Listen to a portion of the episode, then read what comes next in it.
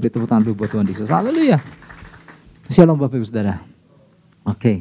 Nah, tanpa berlama-lama pesan Tuhan buat kita saya Bapak Ibu Saudara di minggu ini adalah mengenali gerakan si musuh. Wow, mengenali gerakan siapa? Gerakan si musuh. Artinya apa? Musuh bergerak. Artinya musuh punya strategi. Wah, ada apa Tuhan sampai nyampaikan pesannya buat kita tentang ayo mengenali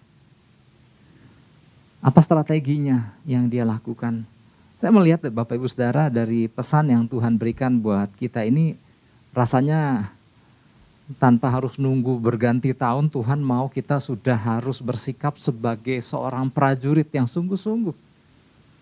Karena hal mengenali strategi pihak lawan atau pihak musuh, bukankah itu yang biasa dilakukan oleh para prajurit-prajurit di ketentaraan, di kepolisian atau di di alat pertahanan negara. Ya salah satu tugas seorang tentara, Bapak Ibu Saudara kalau ini bicara soal tentara, salah satu tugas tentara adalah memiliki kejelian. Ya. Itulah sebabnya ada di dalam ketentaraan ada fungsi intelijen. Artinya tentara itu nggak selalu menangani suatu masalah dengan selalu berperang berhadapan lawan dengan lawan dengan lawan itu. Harus dengan kontak senjata maksudnya. Nggak selalu menghadapi musuh harus selalu dengan kontak senjata. Tapi kalau bagian intelijensi ini berfungsi, maka udah mengenali gerakan musuh. Udah mengenali siasat musuh. Ini kan yang dilakukan kalau kita sedikit menyelami apa yang dilakukan para tentara. Di ketentaraan, di TNI. Di TNI Polri juga begitu kan di negeri kita. Ada bagian-bagian yang udah mengamati dari jauh gerak-gerik musuh. Kita nggak menyadari ya rasa, rasanya kita cuma hanya dengar berita di koran, tetapi yang namanya penangkapan-penangkapan teroris itu udah di sana sini ya, terus hari-hari ini dita, banyak yang ditangkap. Kenapa? Nggak ada terjadi kontak senjata seperti itu. Kenapa? Ada kejelian. Udah menangkap nih, wow, akan ada satu gerakan di wilayah Anu dan sudah diendus, sudah dideteksi oleh pihak keamanan Nah jadi kalau kita paham uh, strategi Bapak Ibu Saudara, serangan musuh ini bisa kita patahkan lebih awal. Inilah sedikit gambaran tentang apa yang harus dilakukan oleh kita prajurit-prajurit Tuhan. Jangan kena kena hantam gitu misalnya, bertubi-tubi terus gitu kan. Tapi kalau kita tajam, kita nggak perlu ngalami babak belur kan kita harus belajar. Masa belajar babak belur terus gitu baru belajar. Oke, tanpa berlama-lama kita buka Nehemia 6 ayat 3. Kita akan banyak bicara di, di bagian Nehemia pasal yang ke-6. Oke kita lihat dulu di ayat yang ketiga. Saya mau ajak kita baca bersama-sama ayat 3 ini. 1, 2, 3. Lalu aku mengirim utusan kepada mereka dengan balasan. Aku tengah melakukan suatu pekerjaan yang besar. Aku tidak bisa datang. Untuk apa pekerjaan ini terhenti oleh sebab aku meninggalkannya dan pergi kepada kamu. Nanti kita akan bahas tentang hal ini. Ini ini siapa yang ngirim utusan dan lain-lain. Tetapi ini salah satu yang dilakukan oleh pihak musuh yang mencoba menjegal Nehemia dan kawan-kawan untuk membangun menyelesaikan tembok Yerusalem.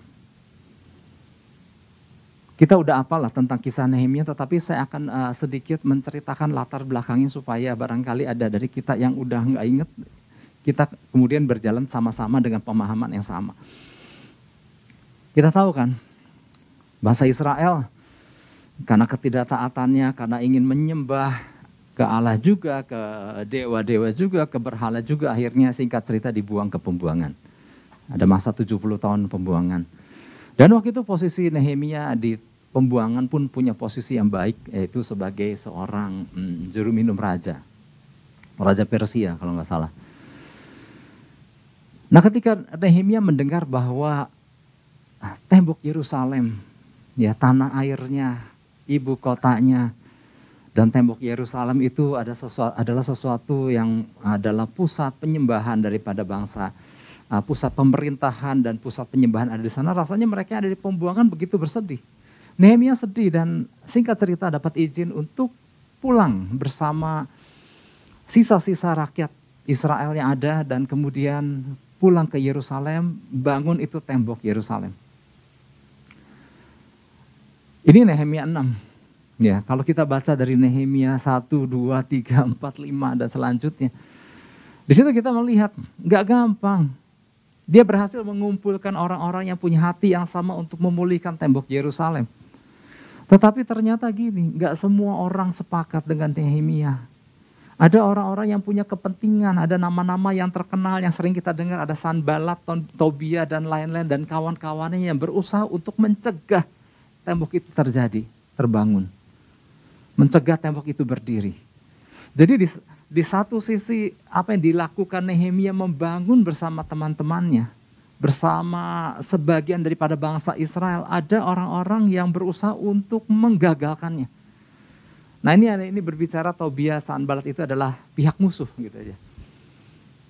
Karena mereka punya kepentingan di sana. Waduh kalau sampai jadi nanti Nehemia uh, menjadi terkenal, uh, rakyat Israel menjadi sejahtera dan waduh dia mengalami kerugian-kerugian dan itulah sebabnya dia gagal mau coba untuk menggagalkannya. Makanya kalau kita pelajari, kalau kita baca dari pasal-pasal sebelumnya kan ada berbagai strategi sampai pernah ya mereka menyerang dengan fisik untuk menggagalkan proyek pembangunan tembok itu. Sampai-sampai kan di, pasal-pasal sebelumnya kan bangsa Israel di satu sisi pegang uh, alat-alat uh, pertukangan, di satu sisi tangannya pegang pedang gitu. Saking apa? Ada musuh yang mencoba men menggagalkan, tetapi itu gagal semua pihak musuh. Sampai akhirnya masuk pasal 6, udah hampir jadi. Tinggal beberapa pintu gerbang aja belum terpasang. Nah ini membuat Musuh juga nggak tinggal dia meningkatkan eskalasi penyerangannya, tapi dengan strategi yang berbeda. Nah, strategi yang kali ini yang dilakukan oleh pihak musuh ini berbeda. Mereka pakai cara-cara yang dalam tanda kutip cara-cara halus. Nah di sini kita akan belajar Bapak Ibu Saudara. Kalau musuh datang nyerang orang bisa ngelihat ada yang menyerang bawa senjata. Tetapi cara yang digunakan kali ini, ini yang perlu kita pahami Bapak Ibu Saudara sebagai orang-orang percaya. Dan Nehemia punya ketajaman untuk itu. Kenapa sih Nehemia sampai perlu dicegah? Karena Nehemia kan di satu sisi adalah seorang pemimpin. Dan musuh tahu kalau Nehemia lemah, maka lemahlah seluruh uh, bangsa Israel. Jadi ketika Nehemia kecil hatinya, maka kecil hatilah pula seluruh bangsa Israel. Ya. Jadi ketika pekerjaan ini harus diselesaikan. Ini musuh nggak tinggal diam. Ini ini gambarannya adalah gini Bapak Ibu Saudara. Sama dengan apa yang kita kerjakan orang-orang percaya hari-hari ini. Apa yang kita bangun? Ada musuh, pihak musuh yang nggak tinggal diam. Dengan berbagai caranya ingin menjegal supaya apa? Yang pasti supaya orang-orang percaya, anak-anak Tuhan nggak berhasil membangun sesuatu yang Tuhan kehendaki mereka bangun. Itulah sebabnya kenapa kita ada di bumi ini karena sebuah rencana Tuhan. Nah waktu kita membangun sesuai dengan apa yang Tuhan kehendaki, percayalah bahwa ada pihak musuh yang nggak tinggal diam dan dia bisa pakai siapa aja untuk menggagalkan rencana Tuhan yang sedang dilakukan oleh orang-orang percaya. Nah ini menjadi pesan Tuhan. Tuhan memperingatkan kita sebagai orang percaya untuk berhati-hati terhadap segala tipu muslihat si jahat. Kita dipanggil untuk melakukan pekerjaan Tuhan, katakan amin. Dan pekerjaan Tuhan itu nggak selalu judulnya eh, berupa tugas pelayanan formal di gereja, nggak selalu itu namanya. Bisa seperti itu. Lalu apa lagi? Atau sesuatu yang kita uh, bangun secara nggak langsung, ya, tapi merupakan sebuah kehendak Tuhan. Makanya uh, untuk keluarga rumah tangga kan ada persiapan pernikahan dengan sungguh-sungguh itu adalah yang Tuhan kehendaki. Karena Tuhan banyak hal mau mempercayakan rencananya kepada uh, keluarga ketika sama ketika Tuhan menciptakan uh, manusia pertama. Maka yang pertama-tama Tuhan bentuk apa? Lembaga pernikahan. Nah ketika kita mempersiapkan segala sesuatu dengan baik, itulah sesuatu yang dikehendaki Tuhan. Waktu kita membangun keluarga, mendidik generasi penerus dan lain-lain. Nah ini kita artinya gini, kita sedang membangun sesuatu yang dikehendaki Tuhan. Lalu apa lagi? Termasuk pekerjaan-pekerjaan yang kita lakukan di marketplace. Mungkin Bapak Ibu Saudara ada pekerjaan, ada usaha yang dilakukan di marketplace yang judulnya bisa, judul profesinya bisa apa aja. Tetapi sejauh itu memuliakan Tuhan dan menghadirkan kerajaan surga, itu pekerjaan Tuhan. Itu artinya kita sedang membangun sesuatu untuk keuntungan kerajaan surga. Nah, hal-hal itu waktu kita membangun, ada pihak musuh yang gak akan tinggal diam. Sama seperti yang dilakukan Nehemia. Nehemia membangun tembok Yerusalem. Nehemia bukan, Nehemia nggak sedang berkhotbah dengan sebuah mimbar kan waktu dia membangun tembok Yerusalem. Tapi apa yang dia lakukan adalah sesuatu yang dikandaki Tuhan. Untuk itulah Nehemia diutus. Kembali ke Yerusalem, bangun itu tembok.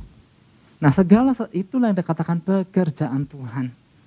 Apa pun yang disebut masuk kategori pekerjaan Tuhan. Ingat, ada musuh yang mencoba menggagalkan dengan berbagai cara. Dari cara kasar sampai cara halus. Nah itulah yang dibutuhkan ketajaman dari setiap kita anak-anak Tuhan orang-orang percaya. Karena sering kali gini Bapak Ibu Saudara. Gagalnya seorang percaya untuk tajam. Dampaknya itu loh. Membereskannya itulah. Itu loh perlu waktu yang begitu lama. Kelalaian satu hari. Istilahnya. Perlu pemberesan 10 tahun kadang-kadang. Ya, ini ini bukan rumus ya. Artinya saya lagi memberikan sebuah perbandingan. Gara-gara kita nggak tajam, gara-gara kita nggak bangun sebuah ke, ke, kepekaan. Makanya makanya gini Bapak Ibu Saudara, kadang-kadang waktu energi yang dikeluarkan gereja, gereja Tuhan secara umum, lebih banyak mana? Mengobati apa menangkap rencana Tuhan dan melakukan perkara-perkara luar biasa Ternyata sampai hari ini banyak yang dilakukan oleh gereja Tuhan adalah mengobati, mengobati, mengobati. Nggak salah ya dengan disebut mengobati karena fungsi gereja adalah juga mengobati. Tetapi mengobati dari apa? Dari kesalahan-kesalahan yang sama, yang sama, yang sama.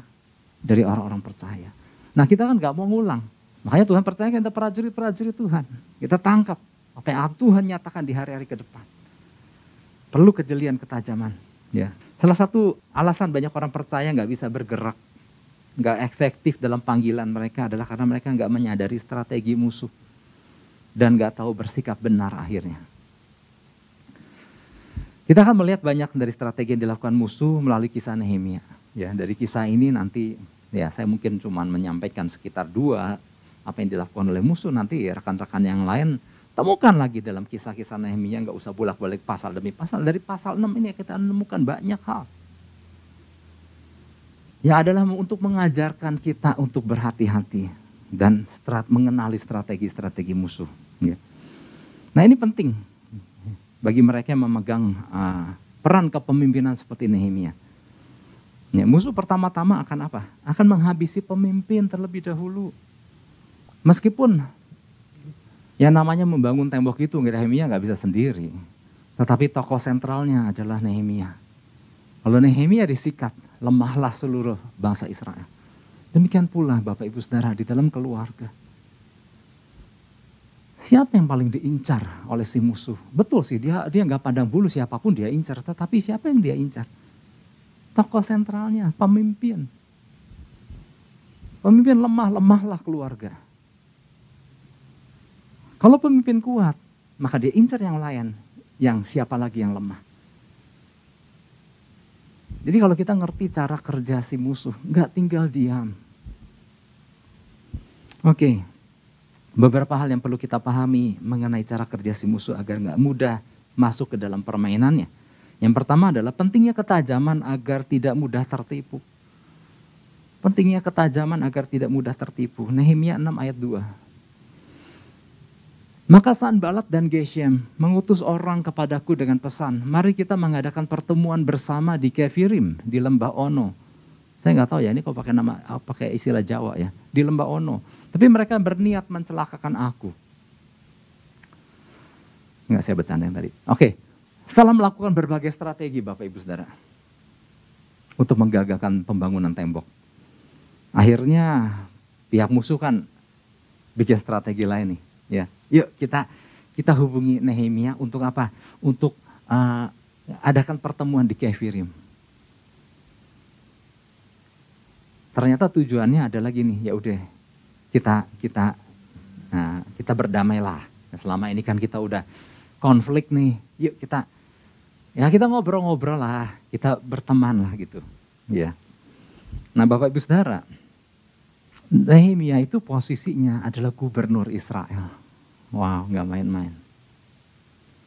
Kalau pihak lawan politik istilahnya mengajak untuk bertemu, rasanya uh, adalah sepatutnya ya menurut pandangan uh, secara cara pandang politik adalah baiknya untuk yuk ya udah kita sambut lah apalagi pembesar-pembesar Israel turut memberi tekanan ya karena ada ayat di bagian Nehemia 6 di bagian ayat-ayat terakhir.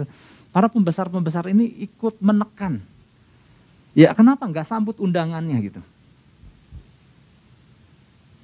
Dan secara politik Nehemia akan dipandang sebagai seorang politikus yang baik. Mau duduk sama-sama dengan lawan politiknya. Membahas apa yang menjadi jalan keluarnya dan lain-lain Ya. Jadi kalau sampai Nehemia nggak mau datang, itu sebetulnya bukan langkah politik yang baik. Menurut pandangan, ya pandangan orang. Namun ternyata gini Bapak Ibu Saudara, ketajaman Nehemia. Nehemia tahu, aduh undangan kayak gini nih pura-pura. Dan Nehemia nggak mau menghabiskan waktunya karena dia tahu ini sebuah kepura-puraan. Karena di sini dia kata, tapi mereka berniat mencelakakan aku. Dari mana Nehemia tahu? Ketajaman loh. Dan Nehemia udah tahu dia, ah aduh gimana ya. Semua orang memandang dia. Para pembesar juga memberikan dorongan, memberikan tekanan. Ayo ketemu aja. Tapi ketegasan Nehemia, wow ini luar biasa. Enggak, ini tipuan. Aku nggak mau ladenin orang-orang kayak begitu. Apakah Nehemia mengambil sebuah sikap yang favorit? Enggak. Eh kok Nehemia kok gitu ya? Kok nggak gentle, kok kok nggak nggak nggak sportif sih gitu ya? Bapak Ibu Saudara, Seringkali apa yang membuat orang sering kali akhirnya jatuh ke dalam tipu muslihat itu karena ini pandangan orang yang lagi menyoroti dirinya. Membuat akhirnya keputusan diambil, aduh nanti aku dianggap apa, nanti aku di, dibilang apa. Nanti aku disangka pengecut, nanti aku disangka ini, disangka itu. Akhirnya pertimbangan karena ketajaman menjadi akhirnya menjadi nggak digunakan.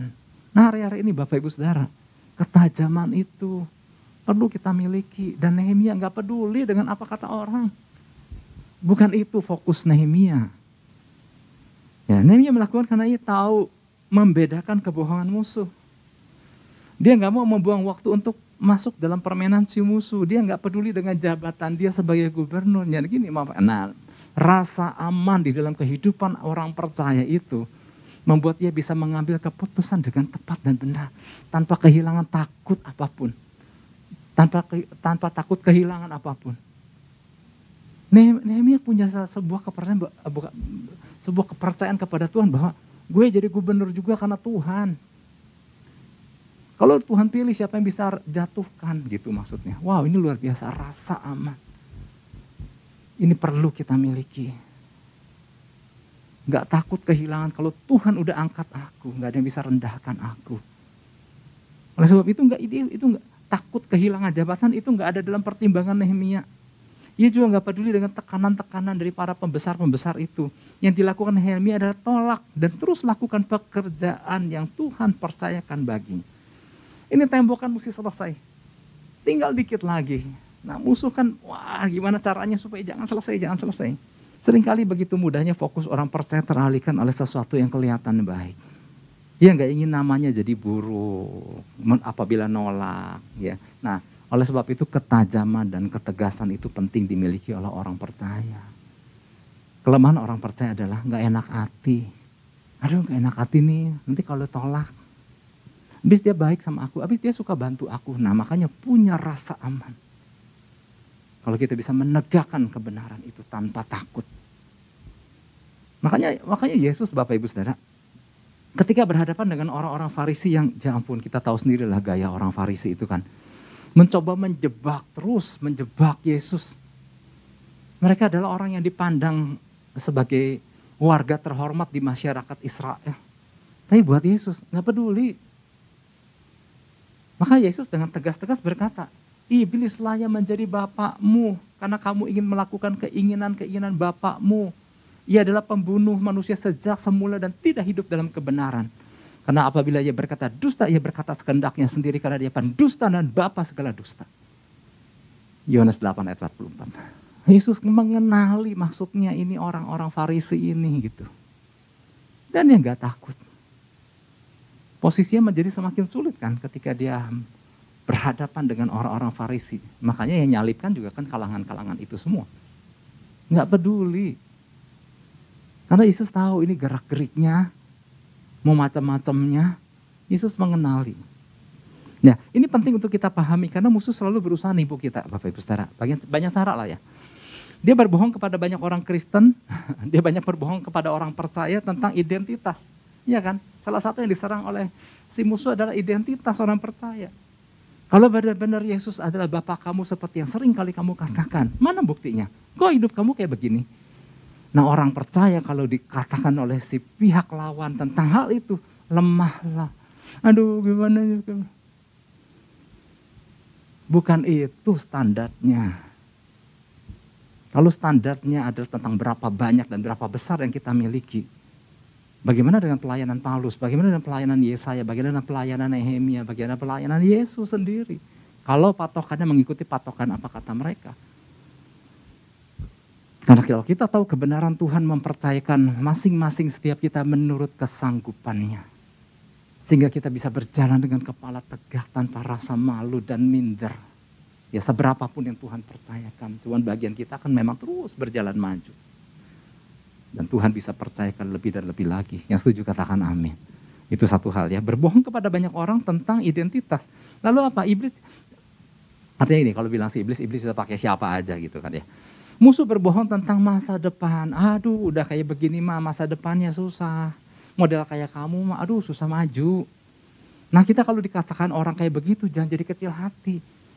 Oh enggak, bersama Yesus akan aku lakukan perkara-perkara yang gagah perkasa. Aku punya janji-janji Tuhan yang luar biasa. Wow, luar biasa.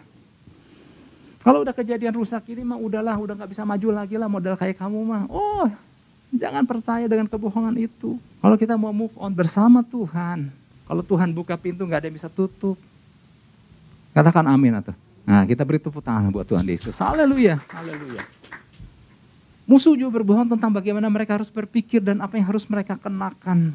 Nah ini kadang-kadang kan salah satu yang menjadi anak-anak Tuhan, orang-orang percaya kadang-kadang gamang ketika apa? Disandingkan dengan ke, kemegahan dunia dengan wah dunia trendy banget. Apa kita nggak bisa trendy Bapak Ibu Saudara? Cuman gini kan kita tahu ada koridor-koridor kebenaran. Ah kamu mah, ah kamu mah nggak pakai tato, kamu nggak kayak kita. Kita pakai tato, kita kita merokok, kita kita ngobat, kita uh, uh, minum. Kamu kalau nggak bisa kayak gitu, kamu nggak bisa ikut kita deh. Kamu mah rada kampungan gitu ya. Terus ya aku kok nggak bisa ikut. Berapa banyak orang percaya yang akhirnya kepengen gitu kan. Akhirnya berjalan dalam dua perahu. Apa apa apa dipikir kita anak Tuhan gak bisa keren? Ya keren. Jangan salah pahami ya. Gak kampungan-kampungan banget deh. Oke, okay. ya saya, saya, saya pernah cerita waktu itu sama anak muda ya, ya sama sama sama jemaat. Ya, saya pernah cerita bahwa dulu saya kalau pandang anak orang-orang gereja ya, rasanya kayak kampungan banget ya. Ternyata eh, saya jadi orang gereja sekarang, Bapak Ibu Saudara. Ya, nggak kampungan-kampungan amat ya. Oke, okay, oke. Okay. Banyak orang Kristen bergumul dengan rasa nggak aman dan ketakutan yang besar karena mereka lebih mendengar kebohongan si iblis. Terlalu mendengarkan apa kata orang, nggak nyaman dengan tubuhnya, nggak nyaman dengan ini dan itunya, nggak nyaman dengan apa yang mereka kenakan, nggak nyaman dengan apa yang mereka kendarai, nggak nyaman dengan pekerjaan. Kenapa selalu pengen membandingkan dan memang musuh selalu membanding-bandingkan. Artinya gini, jadi salah pahami bukan disalah, jangan disalah pahami jadi artinya kita nggak usah maju lagi, enggak ya. Terus kita berjalan bersama Tuhan, janji-janji yang dahsyat Tuhan bawa makin kita makin naik bukan turun menjadi kepala dan bukan menjadi ekor. Tetapi gini, Kenapa saya dia mesti ngebohong terus? Kenapa sih si musuh selalu menggunakan strategi penipuan? Karena gini Bapak Ibu Saudara, dia berusaha ingin menyakiti anak-anak Tuhan dan mencegah kita berjalan dalam panggilan yang Tuhan miliki bagi kita. Dia ingin menyakiti. Dia ingin mencegah kita berjalan dalam panggilan Tuhan yang sesungguhnya. Wah ini luar biasa. Kalau aja kita tangkap keren banget. Makanya gini, kerennya kata dunia itu beda dengan kerennya istilah kita sebagai orang-orang percaya. Kalau kita bisa nangkap rencana Tuhan, apa pun model pakaian kita, mau kampungan kayak gimana orang bilang, waktu kita nangkap rencana Tuhan itu keren Bapak Ibu Saudara. Wah luar biasa, luar biasa. Ya. Waktu itu saya pernah bilang kan, ya saya menurut ukuran dunia kan gagal total, tapi menurut ukuran Tuhan ya saya berhasil pelayanannya. Seringkali kita punya beberapa fondasi yang ber, sering kali banyak orang percaya punya fondasi-fondasi yang gak kokoh, fondasi kebenaran. Sehingga mudah goyah. Oke, Nehemia kita belajar ya. Dia dapat mengidentifikasi kebohongan si musuh. Ah yang kayak gini mau bohong lah, undangan-undangan kayak gini. Enggak, aku fokus sama apa yang Tuhan percayakan. Pekerjaan membangun tembok buat Nehemia. Pekerjaan buat membangun sesuatu buat kita, saya Bapak Ibu Saudara. Fokus pada itu. Sebenarnya sih panjang nih, apa yang harus kita lakukan supaya dapat memiliki sebuah ketajaman. Ya, oke, okay, secara simpel lah, kita udah udah sering ya. Kita punya ke, punya kemampuan untuk membedakan ketika kita bergaul dengan kebenaran firman Tuhan. Ketika kita membangun hubungan, nah makanya kalau saya ngomong hubungan teh jangan selalu tuh Pak Isat itu ngomong teh hubungan aja sama Tuhan, hubungan sama Tuhan. Kalau hubungan sesama dia nggak pernah bahas. Gimana dengan aku gitu? Ya utama bangun, kita kenal, maka kita tahu apa yang sesama kita lakukan. Ketajaman-ketajaman itu. Ya, Oke, itu poin satu ya, karena ini ada pembahasan tersendiri lagi. Nah kita udah sering dengar lah, nanti bosan lagi. Oke, yang kedua, pentingnya persistensi. Karena musuh pun gak kenal nyerah. Kadang-kadang gini Bapak Ibu Saudara, ada istilah gini, musuh lebih tekun daripada orang percaya. Kalau kita lihat contoh-contoh nanti akan saya paparkan. Musuh nggak pernah nyerah. Kalaupun dia gagal waktu berhadapan dengan Yesus, mencoba Yesus. Apa dia, ah susah lah, Yesus mah susah lah, udahlah. Teman-teman, friend, kita jangan lagi coba Yesus. Enggak.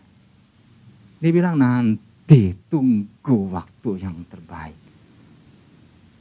Kadang-kadang, sering kali sih, bukan kadang-kadang. Banyak orang percaya, kalah tekun. Musuh nggak pernah capek. Nggak sedikit orang percaya capek. Musuh persisten, orang percaya kalah persisten kadang-kadang. Tapi mari kita tangkap ini Bapak Ibu Saudara. Nehemia 6 ayat 4 dan 5. Sampai empat kali mereka mengirim pesan semacam itu kepadaku dan setiap kali aku memberikan jawaban yang sama kepada mereka. Ayat 5. Lalu dengan cara yang sama untuk kelima kalinya Sanbalat mengirim seorang anak buahnya kepadaku yang membawa surat yang terbuka. Surat yang pertama kan nggak diladenin kan sama Nehemia.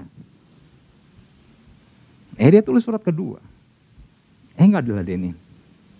Nggak patah nyerah tuh. Surat ketiga dia masukin. Keempat. Kelima. Gak sedikit orang percaya yang baru ngalami sekali penolakan misalnya dalam apa pun. Ah aku memang gak kepake. Aku memang begini, ditakdirkan untuk gagal. Ya ampun. Tapi mari kita belajar lewat ini Bapak Ibu Saudara. Jadi kalau kita lihat Bapak Ibu Saudara, musuh dalam dua ayat tadi yang kita baca, menunjukkan kegigihan yang luar biasa. Sepertinya ia pantang mundur mencoba membujuk dan melemahkan Nehemia dengan berharap akhirnya Nehemia menyerah. Nah bagaimana Nehemia membalas semua serangan itu? Dia memberi mereka jawaban yang sama setiap kali. Sorry, no, nggak ada waktu. Aku lagi sibuk sama pekerjaan Tuhan. Oh, ini keren banget. ya Nggak kalah persistennya. Bahkan lebih Nehemia daripada si musuh. Ya kan harusnya begitu kan.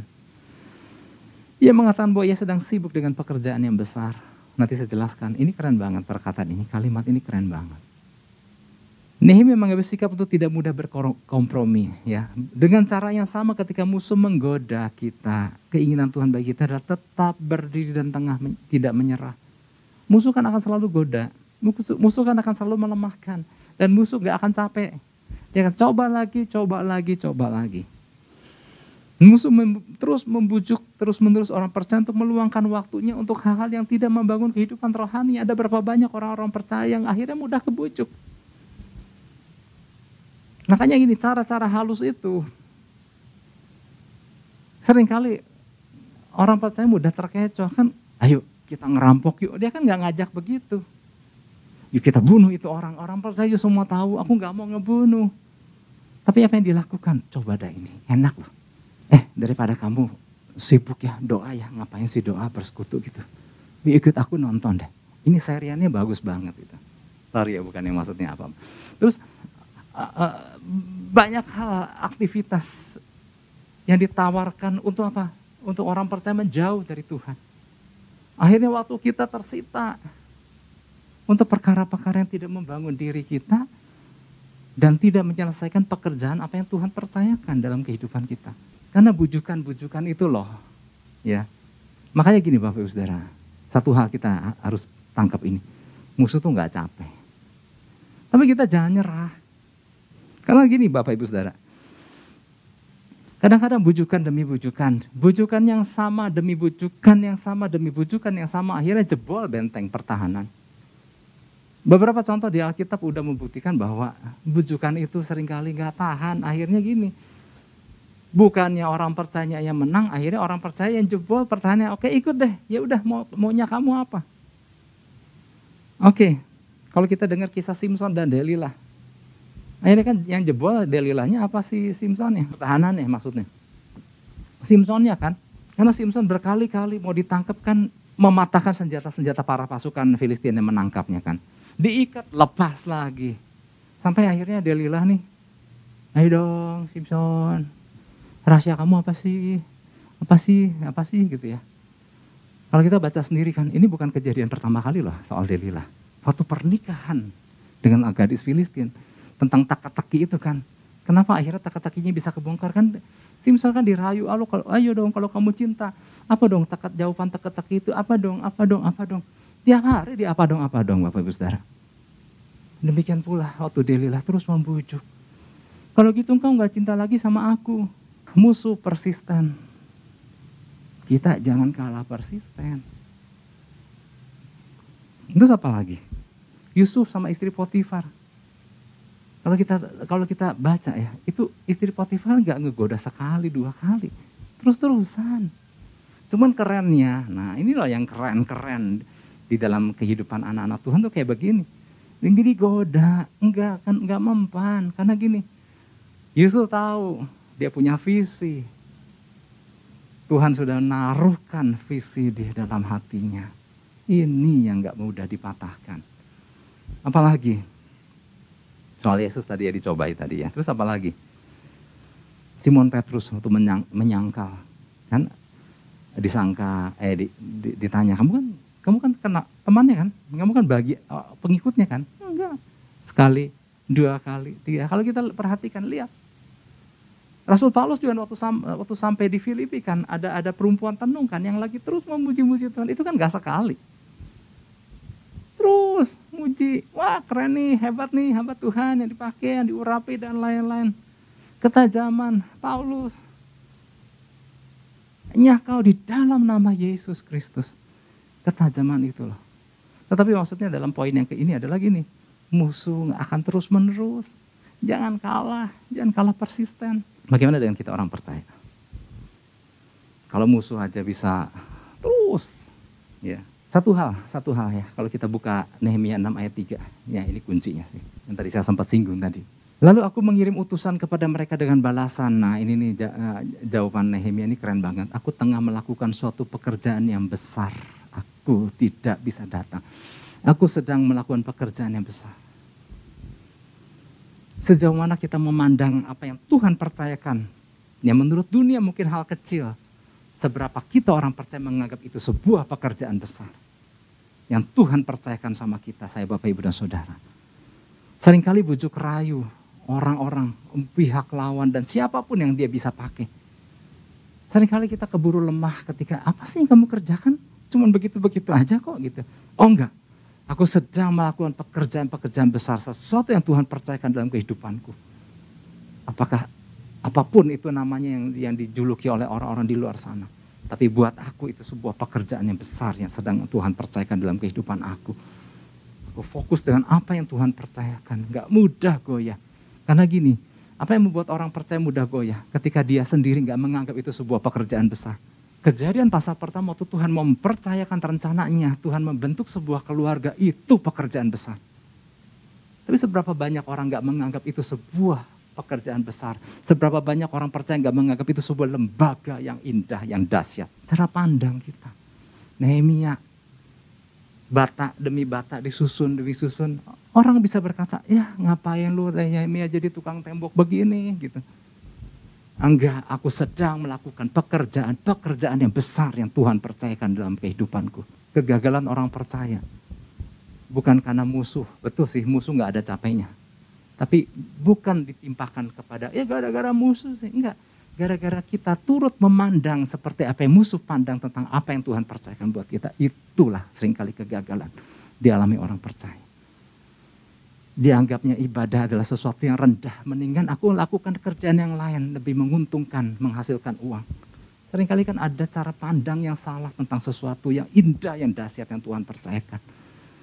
Pelayanan enggak deh, aku enggak lagi lagi nggak mau melayani, enggak mood gitu kadang-kadang ya Kenapa enggak memandang bahwa itu sebuah tanggung jawab yang indah, yang besar yang Tuhan percayakan buat setiap kita orang-orang percaya.